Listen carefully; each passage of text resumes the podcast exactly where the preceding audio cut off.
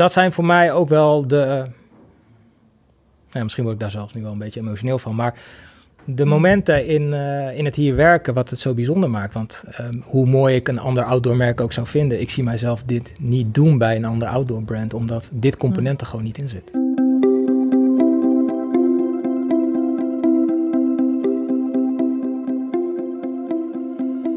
Dit is Het Groene Hart, de podcast van Growthinkers, waarin we op zoek gaan naar het groene hart van onze gasten.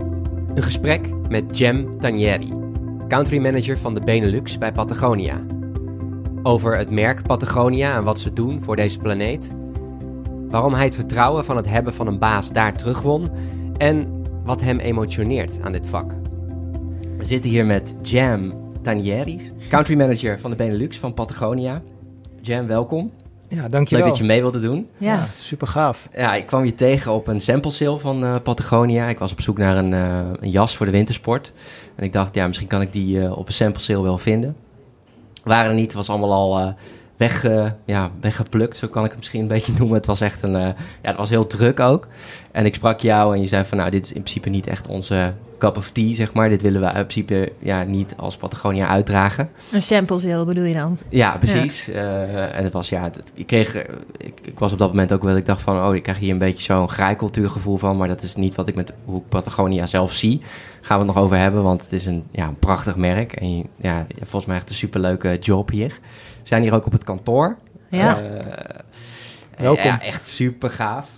Ik heb net als, als ik, ik ben dus niet zo'n onwijze sporter, maar op de een of andere manier heb ik dan als ik uh, uh, in een winkel met sportkleding kom of in een winkel met, uh, nou ja, hè, outdoor kleding zoals dat hier hangt, dan krijg ik zoveel zin om te wandelen en bergen te beklimmen en zo. ja. Op avontuur te ja, gaan. Precies. Ja, Maar goed, ik kwam je dus tegen en je stond meteen ook open voor een gesprek, wat ik echt super leuk vond. En um, dus uh, ja, we gaan het nu gewoon lekker hebben over jou en jouw groene hart en Patagonia natuurlijk. Uh, misschien is het leuk om te beginnen met hoe jij hier terecht bent gekomen. Want je werkt hier nu al zeven jaar, toch? Ja, bijna zeven jaar. Um, ja, per toeval eigenlijk. Ik, ik zat een beetje in zo'n transitieperiode in mijn leven. Kwam eigenlijk van een hele lange stint bij, bij Nike, waar ik ja, met heel veel plezier heb gewerkt en bijzonder veel geleerd heb. Veel gereisd ook toen uh, vliegschaamte nog niet echt uh, bestond. Um, maar op een gegeven moment begon ik me toch wel te voelen dat ik me begon te storen aan bepaalde dingen, culturele zaken ook. Ik had zoiets van, nou, ik moet hier gewoon even afstand van nemen. Hmm. Uh, twee jaar een beetje rondgezworven, freelance projectjes gedaan, veel in Frankrijk gewerkt. En het was een beetje rond de periode dat, uh, dat onze dochter uh, werd geboren. En ja, toen had ik zoiets van, ja, ik wil toch wel mezelf weer in Nederland kunnen vestigen. Ik had echt met mezelf afgesproken voor een baaswerk, no way, want alle bazen zijn gewoon evil. um, en toen, een van mijn hobby's is fly fishing, vliegvissen. En ik was op zoek naar een, een nieuwe wader, dus een speciale waadbroek waarmee je in het water kan staan. Mm -hmm. En ik zat op de Patagonia website, ik ken het merk vrij goed. Ik wist van Yvonne Chouinard en ik zag dat zij iemand zochten voor Nederland.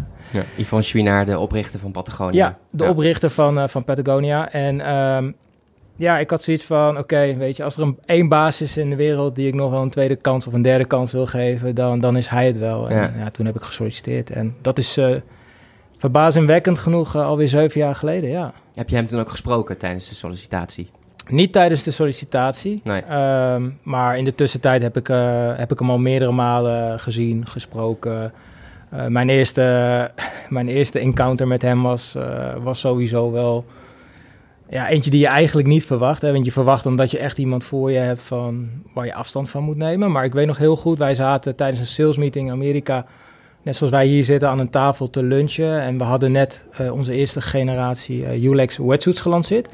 Dus uh, wij wilden afstappen van het gebruik van neopreen en overgaan naar een natuurlijke rubber. Mhm. En we zaten zo een beetje aan tafel te praten van ja, wat kunnen we hier nog meer van maken? En op een gegeven moment schoof hij gewoon aan uit het niks, zoals hij wel vaker doet. Hmm. En uh, ja, begon zich te mengen in het uh, gesprek. En op een gegeven moment, ik zeg zo van, nou, weet u nog andere toepassingen? En hij zo van, nou, je kan er ook heel goed condooms van maken, zegt hij. En ik zeg van, nou, dit, waar gaat dit gesprek nou naartoe? En hij zei van, ja, je zou er condooms van kunnen maken. En ik heb ook een hele goede naam, zegt hij. Hij zei, je moet het glamouflage noemen. Zei, Hoezo dan? Hij zei, because nobody sees you when you're coming. En iedereen lag natuurlijk in een deuk, maar we hadden ook echt zoiets van... oké, dit is wel iemand waar je gewoon, uh, die gewoon totaal anders is als een andere miljardair, laten we het zo zeggen. Uh-huh. Ja, dus uh, ja, bijzondere eerste ontmoeting. Ja. En wat, wat maakt hem voor jou zo inspirerend? Um, nou... Want hij is ook het bedrijf natuurlijk. Ja, hij is natuurlijk voor een gedeelte nog samen met zijn vrouw en kinderen het hart en ziel van het uh, bedrijf. Uh, het, het, is het verhaal van Yvonne zelf, die eigenlijk een beetje de, de outcast was vanaf jongs af aan. En uh, vanuit Canada naar Amerika was verhuisd. En met een meisjesnaam in Californië op een school terecht kwam. En eigenlijk al van jongs af aan het gevoel had van ja, dat hele leren en zo, dat is niet mijn ding. Ik wil naar buiten, ik wil ontdekken. Uh, zijn liefde voor de buitenwereld. Um, en er uiteindelijk achter komen dat als je wil reizen en toffe dingen wil doen, dat je ook geld moet verdienen. Hmm. Nou, en zo eigenlijk in een business is gerold, maar nooit met de intentie om een zakenman eigenlijk te zijn. En tot op de dag van vandaag ziet hij zichzelf nog steeds niet als een zakenman. En daar hmm. heb ik bijzonder veel respect voor, want het is echt een man die heel minimalistisch leeft nog steeds. Hmm. En uh, ja, verplicht van zijn vrouw een nieuwe auto moest kopen laatst, omdat die auto van 20 jaar met kapotte remmen toch echt een keer de deur uit moest. En hij ook niet meer de jongste is. Uh, ja, nee. bijzondere kerel. En je zei tegen mij ook op de sample sale van, ik zei van ja, sorry, ja, ik heb verder ook niks nodig. Toen zei je, ja, goed, goed dat je zo denkt, zeg maar. Ja. Want dat is, dat is echt een mindset ook van Patagonia. Je koopt pas iets als je het echt nodig hebt. En als je het koopt, is het van goede kwaliteit. Um, kun je het bij ons laten repareren ten alle tijden. Was ook iemand die vroeg van um, op Instagram...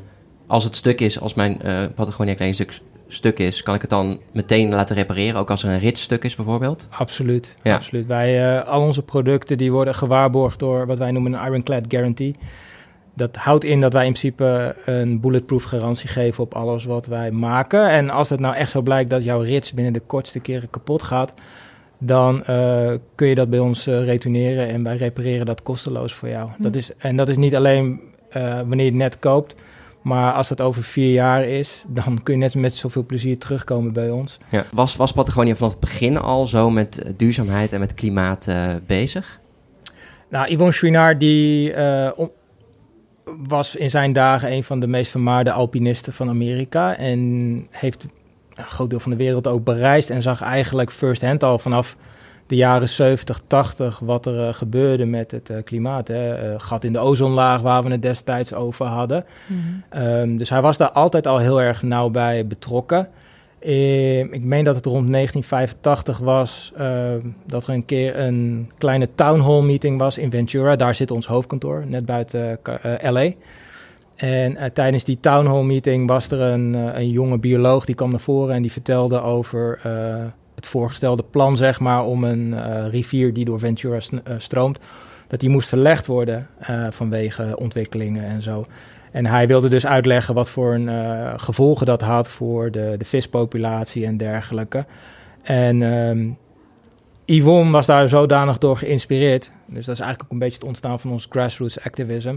Dat hij die, die persoon zeg maar, een bureau aanbood op kantoor. En, en net, ja, een toegang tot een, eh, een netwerk zeg maar, om, om te kunnen vechten voor zijn cause. Hmm. Ja, dit was in 1985, maar um, ja, je kan wel zeggen dat wij vanaf het begin eigenlijk hierbij uh, bij betrokken zijn. Ja. Hmm.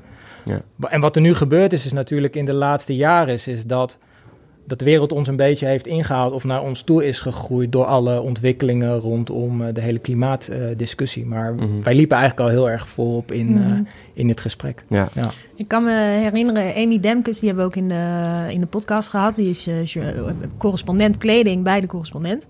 Mhm. En die heeft ook een artikel over Patagonia geschreven. En die schreef daarin ook dat er een soort van um, dat dat activisme begon bij Patagonia. En dat er een moment was waarop ineens helder werd van um, uh, dat eigenlijk eh, Patagonia steeds bezig was met al dat activisme. En dat ineens het besef kwam van hé, hey, maar wacht eens even. We kijken eigenlijk nog niet naar ons eigen bedrijf en onze productieprocessen. En um, ja, hoe dat eigenlijk impact heeft op de aarde. Um, zou je iets kunnen zeggen over de uitdagingen die je dan als kledingmerk tegenkomt en wat voor hordes je dan, wat, wat voor hordes jullie genomen hebben daarin? Ja, nou, dan moet je echt uh, teruggaan uh, tot uh, begin jaren 90, 1991 bijvoorbeeld, 93 in die periode. Um, waar wij een van de eerste merken die, die overgingen bijvoorbeeld op recycled polyester. Dus op, op basis van gerecyclede petflessen, nieuwe vliesproducten producten maken. Um, als je nou kijkt naar waar we nu staan, hè, tussen waar we begonnen en waar we nu staan. Uh, dit jaar gaan wij met onze volledige collectie naar 93% recycled of uh, natural-based uh, materials. Dus, en dan moet je nagaan dat we in een seizoen ongeveer 1000 producten maken. Dus dat is echt een, een behoorlijk hoog aantal. Um, en daarnaast is ongeveer twee derde, iets meer dan twee derde van de collectie is Fairtrade gecertificeerd al reeds. Um, maar dat, in het begin waren dat natuurlijk kleine, kleine stapjes. Hè. Uh, recycled polyester, daar moesten wij echt heel erg met, uh, met fabrikanten van grondstoffen gaan werken. En hun ervan overtuigen van, hé hey, luister, dit is een, uh, een goede optie of een goed alternatief voor het milieu. En de eerste prototypes, dat werkte ook voor geen meter. We wilden witte vliesvesten maken, maar die kregen de groene 7-up kleur van, van de petfles. Omdat hmm. men gewoon niet in staat was, zeg maar, om die, om die draden zuiver te krijgen. Ja. Um, een ander mooi voorbeeld is, uh, is onze stap naar organic cotton. Door waar het eerste bedrijf, wat, uh, of biologisch katoen, wat met organic cotton aan, uh, aan de gang ging. Um, dit is ook ruim 26 jaar geleden alweer. Um, destijds werd minder dan 1% van de totale katoenproductie was afkomstig van organic cotton. En nu, 26 jaar later, is het nog steeds minder dan, dan 1%. De stap, of de reden dat wij die stap destijds hebben genomen, was ook omdat ehm, in Amerika hebben we heel veel retail stores. Hè, dus we zijn heel erg afhankelijk van onze eigen Patagonia stores. En volgens mij was de winkel in Boston. Er kwam op een gegeven moment kwam daar een hele lading uh, katoenen producten binnen. Onze vermaarde rugby shirts en dergelijke. En die dozen die werden opgeslagen beneden in de, in de kelder. En ehm, op een gegeven moment stonden daar best wel veel dozen en moesten mensen die spullen uitpakken. En binnen no time viel de ene persoon naar de andere persoon flauw. Of hadden ze moeite met ademhalen. Of ze klaagden over hoofdpijn en dergelijke. En toen hebben we dus een, ja, een instituut ingehuurd om metingen te verrichten. En toen kwamen we er dus achter dat er zoveel giftige dampen eigenlijk... Uh, formaldehyde en noem het allemaal maar op van die kleding afkwam. Dat we zoiets hadden van, hé, maar dit kan echt niet goed zijn. En als dit al het effect is op onze mensen... wat is dan het effect, zeg maar, op, uh, op natuur ja. en, uh, en leefomgeving? En dus toen zijn wij overgeschakeld op organic cotton en dat hebben we in drie jaar gedaan. Ja, en uh, daar hoop je dan natuurlijk ook uh, dat je andere partijen kan overtuigen om daarin uh, in mee te gaan. En ja, helaas blijkt dat niet altijd het geval. Er wordt nog steeds te veel beslissingen genomen op basis van kostprijs. En het moet allemaal tegen bodemprijzen gemaakt worden. Terwijl we eigenlijk allemaal weten dat dat eigenlijk niet, niet meer kan. Hmm. Dus ja, nu zijn we bijna 5, 26 jaar verder. En nog steeds is het minder dan 1% uh, van de totale productie. Ja. ja. En hoe zien jullie het, um, zeg maar het spanningsveld tussen uh, aan de ene kant duurzaamheid en aan de andere kant een bedrijf zijn dat producten verkoopt? Ja, nou ja, ik denk dat die spanning er eigenlijk gek genoeg nooit, uh, nooit is geweest. Wij, uh, onze morele kompas is best wel sterk. Wij staan heel erg achter wat we doen en of je bent fan of je bent niet fan van wat, uh, wat wij doen als, uh, als merk zijnde. Maar we hebben eigenlijk vanaf het begin hele duidelijke doelstellingen gelegd van uh, onze producten moeten ten eerste goed zijn. Hè? Je moet als je een berg beklimt of zo, of je staat ergens in de regen, moet je goed beschermd zijn. ze moeten duurzaam zijn. en dat is niet alleen dat ze van duurzaam materiaal gemaakt zijn, maar ze moeten ook lang meegaan. Dus ze moeten repareren vallen. En gaandeweg ja, komen we gewoon steeds meer tot de uh, conclusie van... ja, er zit gewoon een kost aan zaken doen. Als je iets produceert, dan gaat dat ten koste van de aarde. Mhm. En wij moeten gewoon echt onze stinkende best doen... iedere keer weer om, om die impact op de aarde te, te verkleinen. En ik denk dat wij als merk daar uh, behoorlijk in vooruit, uh, vooruitlopen. Want er is heel veel greenwashing in de wereld... maar um, het zou je soms verbazen hoeveel daarvan ook in de, in de outdoor-industrie plaatsvindt. Mm. Dat zijn toch ook wel schrikbarende uh, cijfers. Als je kijkt naar bijvoorbeeld Europa, daar wordt iets meer dan 5 miljard euro per jaar uh, omgezet in de outdoor business. Dat is significant. Um, als je al die producten op één hoop zou gooien, dus de kleding, de tenten, de schoenen, en je gaat kijken naar wat er van gerecycled materiaal gemaakt is, dan is dat nog steeds minder dan 5% van het, uh, het totaal. Maar toch wordt er heel erg ja, geshowcased met van kijk hoe duurzaam we bezig zijn en kijk hoe groen we bezig zijn. Hm. Maar de realiteit toont eigenlijk toont anders. En wij proberen daar eigenlijk weg van te blijven. Alles wat wij doen is open source, dus iedereen kan intappen in wat wij doen en onze kennis delen we. Ehm, en we gaan best wel ver. We zitten dit jaar, uh, als je kijkt naar de totale productie, uh, eh, 93% van onze collectie zal vanaf winter 20 uh, eh, gemaakt zijn van gerecyclede materialen of natural-based fibers. En het is onze ambitie om in 2025 volledig recycled te zijn of alleen nog maar uh, natural-based materialen te gebruiken. Terwijl op de sample sale zei van, uh, dit is niet, dat was eigenlijk van, uit noodzaak geboren, hè, dat jullie zo'n sample sale, kun je nog even vertellen waarom dat ook weer was? Ja, de, de sample sale die wij hebben georganiseerd, want wij doen dat in principe niet, nee. um, die was um, uit noodzaak omdat wij op dit moment zitten in de transitie van een magazijn. Mm -hmm. Patagonia groeit ook als bedrijf in Europa. En het magazijn waar we nu mee werkten, dat was eigenlijk te klein. Dus we moesten verhuizen. Daar kwam een, een stuk oude voorraad uit vrij, wat niet echt mee kon naar het oude magazijn. Dus het was van, ja, wat gaan we daarmee doen? En toen werd ik belast met, uh, met het organiseren van een, van een sample sale. En uh, voor heel veel mensen super leuk natuurlijk om gewoon eens een keer goed access te hebben tot, tot het product tegen ja. een mooie prijs. Ja, wat goed, goed bezocht. Ja, ja, alleen ja, persoonlijk had ik daar ook best wel veel interne conflicten mee. Van hey, wij zijn ook het anti-Black Friday merk en we geven al onze opbrengsten weg met Black Friday. Maar nu gaan we misschien een beetje hetzelfde doen. Hoe zit dat? En mm. toen kwamen we wel snel tot de conclusie van... oké, als we dit willen doen, dan moeten we ook echt iets doen met het geld... wat, ja. we, wat we uit die samples zullen halen. Ja. Dus we hebben ook gezegd dat de opbrengsten daarvan... Uh, die worden gedoneerd aan Patagonia Action Works. Um, ik weet niet of jullie dat platform hebben gezien... maar dat is een platform wat wij ehm, onlangs hebben gelanceerd, waarbij de consument zeg maar uh, toegang heeft tot, tot al die NGO's die wij, uh, die wij supporten via 1% voor de, voor de planet. Dus daar kun jij je aanmelden. Je kan bijvoorbeeld een donatie maken, maar je kan je dus ook aanmelden op uh, wat ze noemen skill-based volunteering. En stel je bent een hele goede social media expert. Nou, er zijn heel veel van die kleine organisaties die niet het geld hebben om iemand in te huren die hun social media kan doen.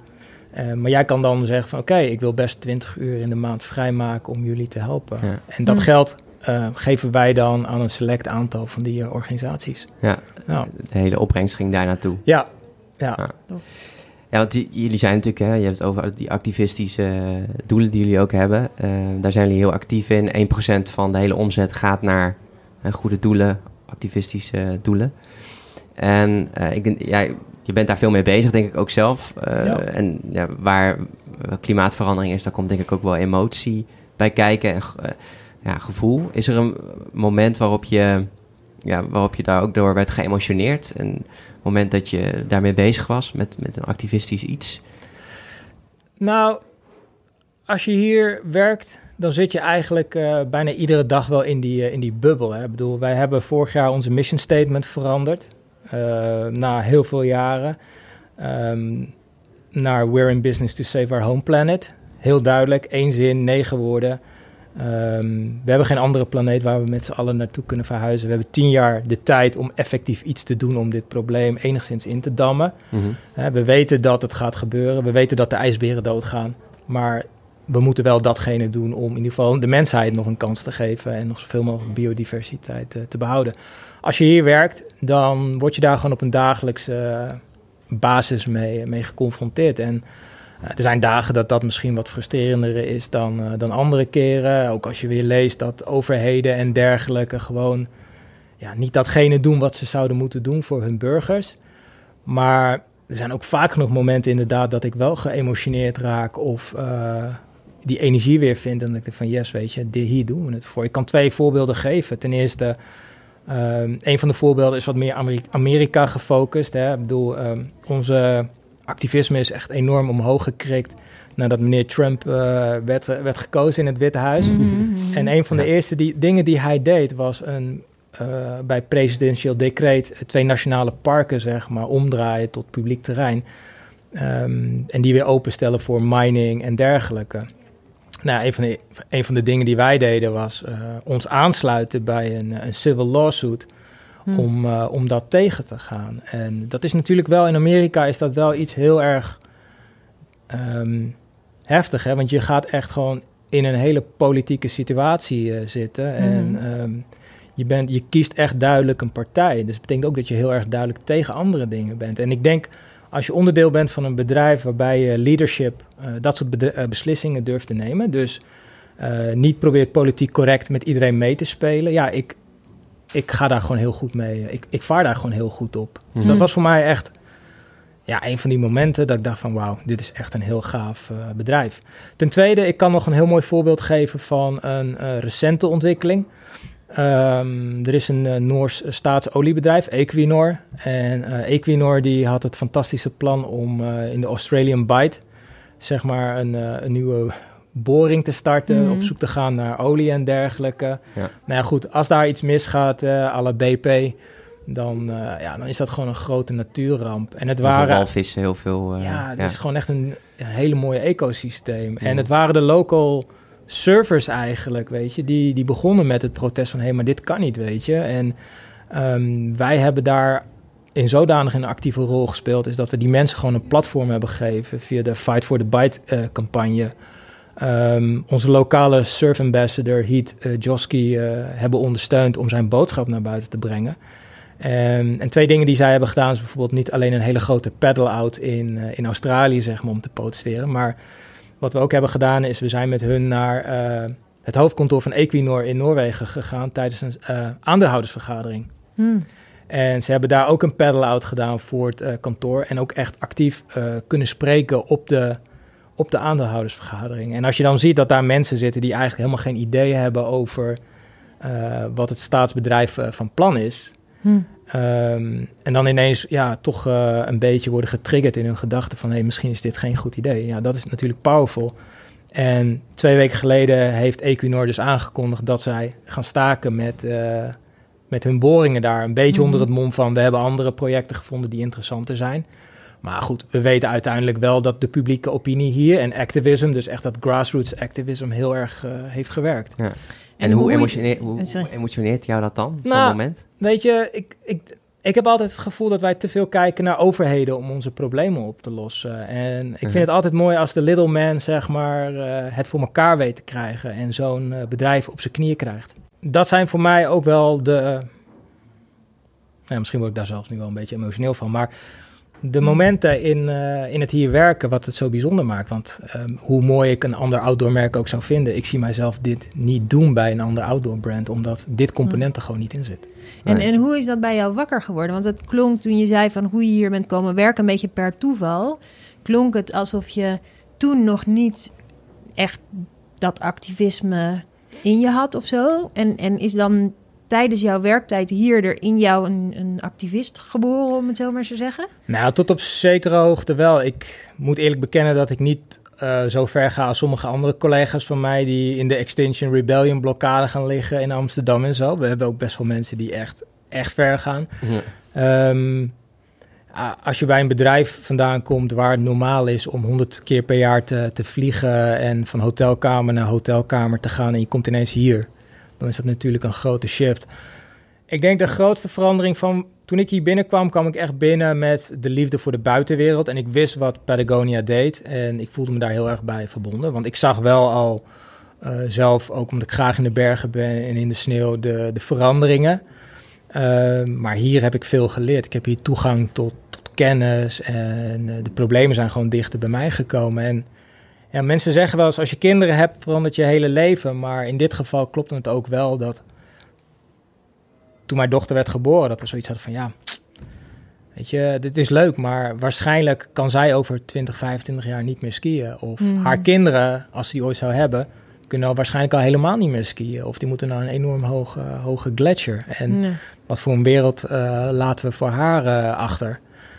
Dus dat is voor mij echt wel een beetje die, die kentering geweest van het hebben van een jong kind en ook hier terechtkomen. Ja. Uh, de toegang hebben om met hele inspirerende mensen te, te kunnen praten. We organiseren veel lunchtalks hier, dus of er komt iemand van XR voorbij, of Mark van Baal van Follow This komt voorbij. Hm. Uh, noem het allemaal maar op. Je ziet heel veel jonge start-ups binnenkomen met ja, super gave, duurzame ideeën. En dan, ja, dan, dan pak je daar weer wat uit, uh, uit mee. En ja. Waar put jij hoop uit? Waar put ik hoop uit? Oh, als je kijkt naar uh, wie de klimaatstrijd nu voert, dan put ik daar heel veel hoop uit. En dat zijn mm. in eerste instantie de vrouwen. Eh, de mannen zijn gewoon niet aanwezig wat dat betreft. En, en jongeren vooral. En daar put ik heel veel hoop uit. Dat, dat jongeren toch wel degene zijn die zeggen van... hé, hey, als we nu niet iets gaan doen, dan, dan gaat het echt mis. Ehm, een mooi moment, uh, ook een moment waar ik trots op was... was bijvoorbeeld de klimaatstaking in, uh, in Den Haag van vorig jaar in de herfst. Um, het mooie aan dit bedrijf is dat we dan gewoon dicht zijn een dag... en we gaan met z'n allen. Weet je, alle telefoons gaan uit. We gaan gewoon met z'n allen daarheen. Mm. als je geen zin hebt, ga je maar thuis zitten, ook goed. En hmm. eh, ik liep daar en um, er vielen me een aantal dingen op. Ten eerste dat dit echt een movement is die door vrouwen wordt gedragen. Hmm. Eh, dus we kunnen nog heel veel winnen als we de mannen erbij krijgen. En ten tweede, de, de leeftijd ligt gewoon super laag. Weet je, het is niet meer zoals het vroeger was, dat je een, een hippie was of zo als je tegen, tegen bepaalde dingen was. Dit is gewoon een movement van, van de jeugd en, en van iedereen eigenlijk. Dus daar haal ik heel veel uh, hoop uit.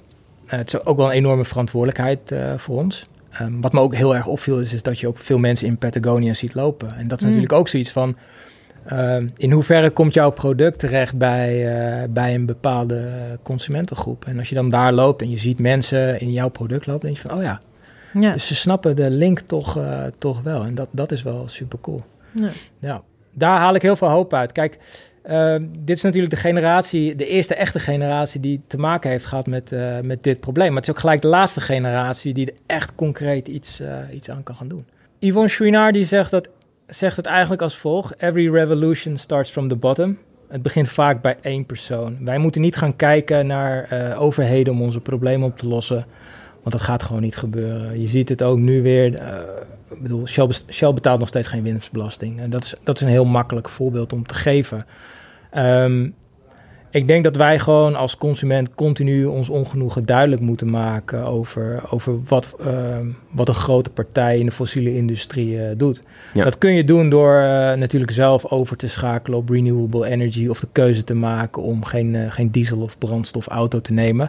Een deel kan ook door natuurlijk te kijken naar van op welke partijen stem ik. Maar ik, ik persoonlijk voel altijd, um, en ik heb best wel veel partijen gestemd. En mijn gevoel is altijd geweest van ja, ik heb op die gestemd, A, B of C of D. En eigenlijk is er niet echt heel veel veranderd. Um, mijn gevoel is eigenlijk dat wij um, meer mensen in de, in de breedte moeten bereiken. Dit is nog steeds een, beetje een discussie uh, binnen de, met heel veel respect, binnen de hoogopgeleide blanke kant van, uh, van de wereld. En hmm pas wanneer je mensen uit een modaal inkomen of een submodaal inkomen gaat overtuigen van wat zijn nou de gevolgen van, van klimaatverandering. Uh, want daar zit ook een groot deel van de massa. Pas dan ga je denk ik echt concreet uh, de veranderingen zien. En ik denk dat we daar echt naar moeten kijken van is, hoe kun jij tien andere mensen zover krijgen dat ze een deel van jouw levensstijl adopteren. Mm. En, uh, en dan denk ik dat de rest wel, vanzelf uh, gaat komen. Maar ook, ook dus door te de-investeren, door geld weg te halen bij...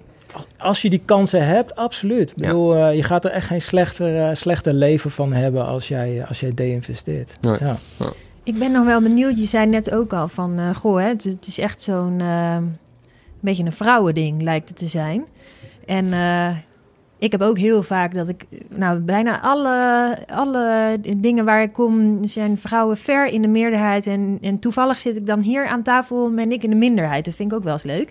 Heb jij nou um, uh, een idee van hoe we mannen hier beter bij zouden kunnen betrekken? Ja, dat is, uh, dat is echt een hele goede vraag. Ik, ik heb daar wel eens over nagedacht van waarom mannen hier niet meer bij, uh, bij betrokken zijn. Misschien zijn wij gewoon ook veel simpelere personen en denken wij... Uh, een vrouw denk, die kijkt denk ik anders naar de wereld, weet je.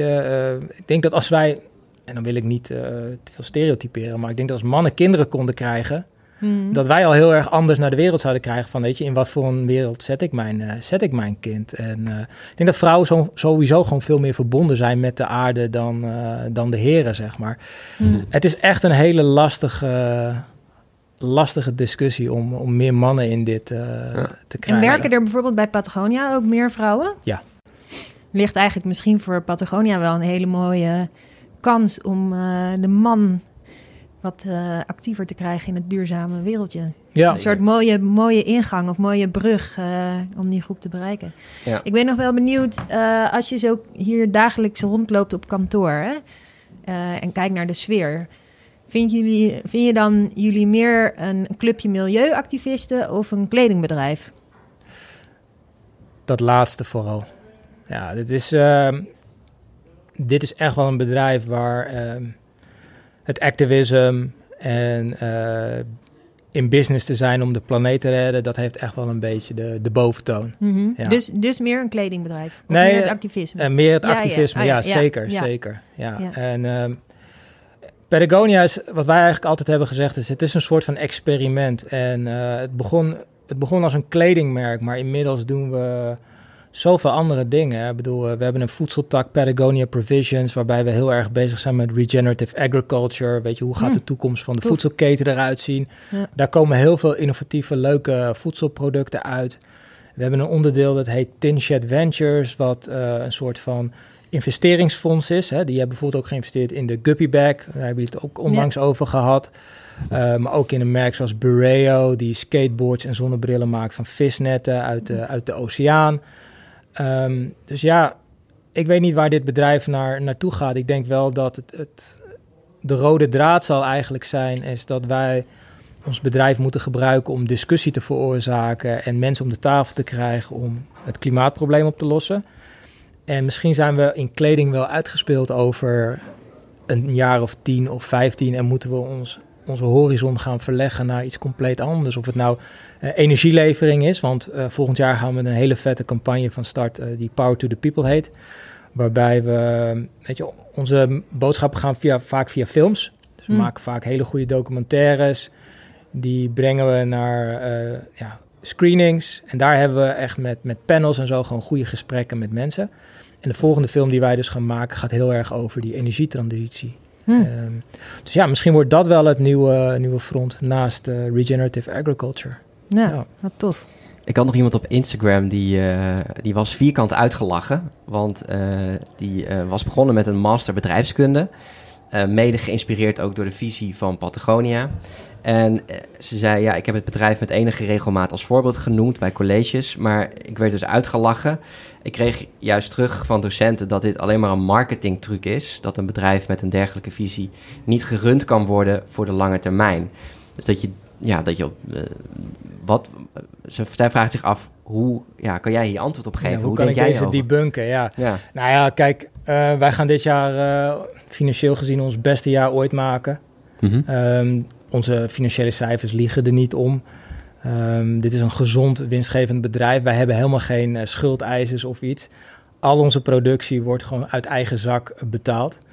Um, ja, die, die vraag van een marketing uh, gimmick en zo, dat, weet je, die opmerking die heb ik al zo vaak gehoord. Ik denk dat je een, een marketingtruc werkt niet 40 jaar lang. Op een gegeven moment is daar een beetje de, de glamour van af. Ik denk, wat dit wel aan de kaak stelt of blootlegt, is het feit dat dat dat stukje uh, social entrepreneurship en andere bedrijfsmodellen, dat dat dus nog steeds niet toegedrongen is tot de, de collegebanken, weet je, een donut-economie-theorie of wat dan ook. Mhm. En dat is wel cruciaal natuurlijk, is dat uh, onze CEO, die zei het laatst ook in een, uh, in een Q&A's, wat ik ben een groot voorstander van kapitalisme, en dat zijn we ook als bedrijf, maar kapitalisme zelf is eigenlijk niet mee ontwikkeld met, uh, met de tijd. En daar ligt eigenlijk het, uh, het grote probleem. Ja. En wij, wij doen dat wel, want je ziet dat iedere keer als wij iets, iets doen, iets activistisch, of uh, we zeggen don't buy this jacket, of we geven op één dag 10 miljoen euro van onze, of 10 miljoen dollar van onze Black Friday sales weg. Ja, dat mensen in de rij staan om nog meer Patagonia te, te kopen. Mm -hmm. Dus wat is dan het geheim van Patagonia een bedrijf dat naast activistische doeleinden ook kan bestaan als kledingmerk? Nou, ten eerste onze drang naar innovatie. Weet je, als je niet innoveert en je gaat niet mee met je tijd, dan, dan lukt het niet. Maar wij, wij ontwikkelen continu, weet je. We schuiven die naald op als het aankomt op recycled content, maar ook op het gebied van uh, betere isolatie, lichtere isolatie. Um, En nog steeds echt wel in de core zijn wij uh, toegewijd aan die, aan die buitensporter. Ja. Uh, en dat in combinatie met het uh, zo duurzaam mogelijk werken, ja, dat, dat werkt gewoon. ja, de why. Uh, ik, de, ja. de, de, why is denk ik een enorm belangrijk uh, punt waar, waar ik in ieder geval heel erg op aanhaak. Het verhaal daarachter. Lees ook vooral als je dit luistert het boek uh, Let My People Go Surfing van Yvonne Chouinard. Chouinard, ja. ja dat die heeft geschreven over Patagonia. Ook echt een tip. Ja. Sas. Ja, ik was benieuwd... Um, wat is nou nog nu jullie grootste uitdaging? Of eigenlijk hetgene wat jullie uh, nu nog doen, wat eigenlijk het meest onduurzaam is, om het zomaar even tussen aanhalingstekens te zeggen, waarvan je zegt, dat is nou iets, dat hebben we gewoon, dat willen we nog verbeteren. Dat hebben we eigenlijk gewoon nog niet helemaal lekker op orde. Ja, ja dat, is, dat is een goede vraag. Ik, ik gaf net al aan van, uh, dat we komende winter dus naar 93% recycled en, en natural fiber-based gaan. Um, ik denk dat wij heel erg streberig zijn en dat we echt die laatste, laatste procenten voor elkaar willen krijgen. Um, ik denk dat wij binnen onze eigen supply chain vooral af en toe tegen dingen aanlopen met onze leveranciers en zo. Weet je wel, dat partners niet mee willen ontwikkelen en dat we daar afscheid van moeten nemen. Mhm. En dat we weer opnieuw moeten beginnen met een project. Dat mhm. is soms frustrerend.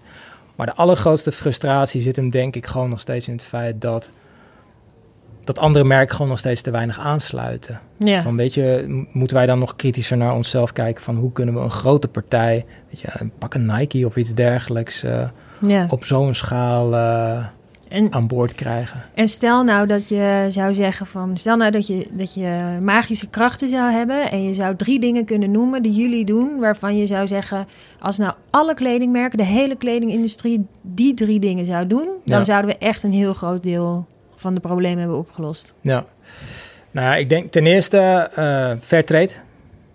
Dat is denk ik echt wel een, een groot ding. Uh, betaal mensen gewoon een eerlijk loon.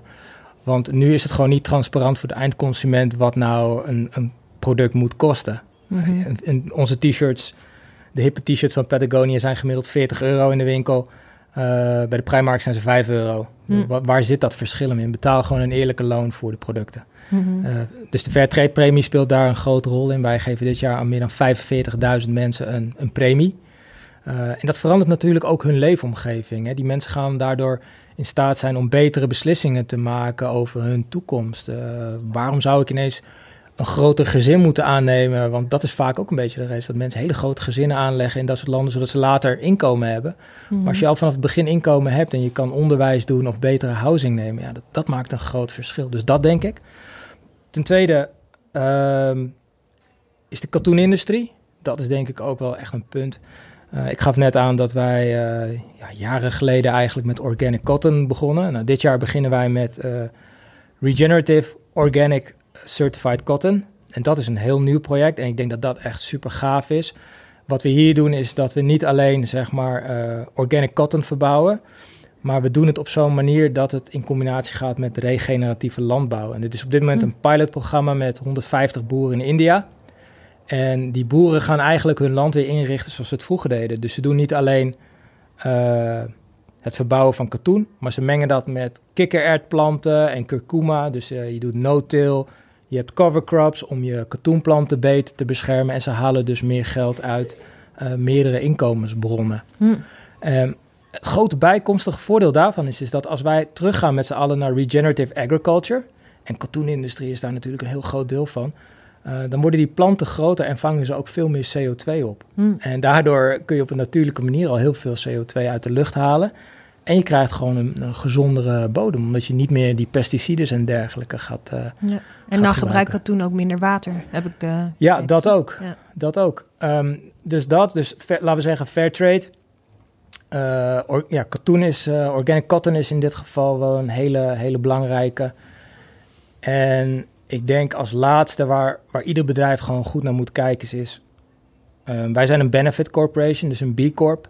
Mm -hmm. dat betekent dat wij wettelijk hebben vastgelegd dat, wat onze purpose is. Dus niet dat we alleen een, een winst willen draaien, maar we willen ook benefit hebben voor, voor de planeet. Nou, bedrijven zoals bijvoorbeeld een Ben Jerry's is daarbij aangesloten, Tony Chocolonies. Meer dan 2600 bedrijven wereldwijd. Ik denk dat ieder bedrijf, ook in de kledingindustrie, zich moet afvragen van... wat is mijn purpose op deze planeet? Is het echt alleen toffe, hippe, modische kleding maken... of wil ik meer, uh, ja. meer betekenen voor de planeet? Ja, mooi. Dus ja, misschien zou ik dat uh, mee willen geven. Nou, laatste vraag. Moet er nog iets van jouw groene hart, Jam, iets wat je tegen de luisteraar zou willen zeggen? Wat moet er van mijn groene hart? Nou, ik denk dat ehm, wat ik heel fijn zou vinden is dat, dat mensen gewoon goed en kritisch kijken naar, naar hun eigen footprint. En verwacht niet van jezelf dat je in één dag een, een wereldverbeteraar bent, want dat is gewoon niet, niet aan de orde. Dus maak, ja, maak small steps, weet je. En wees niet bang om de discussie aan te gaan met, met andere mensen over, over climate change en de problemen die we hebben. Je kan soms persona non grata worden op een, een verjaardagsfeestje. Mm -hmm. weet je, dat de borrelplank niet meer langs jou komt. Maar ja. dat moet je dan maar even voor, voor lief nemen. Um, maar ja, laten we wel met z'n allen realiseren dat dit probleem toch echt wel groter is dan dat sommige mensen het, uh, het doen blijken.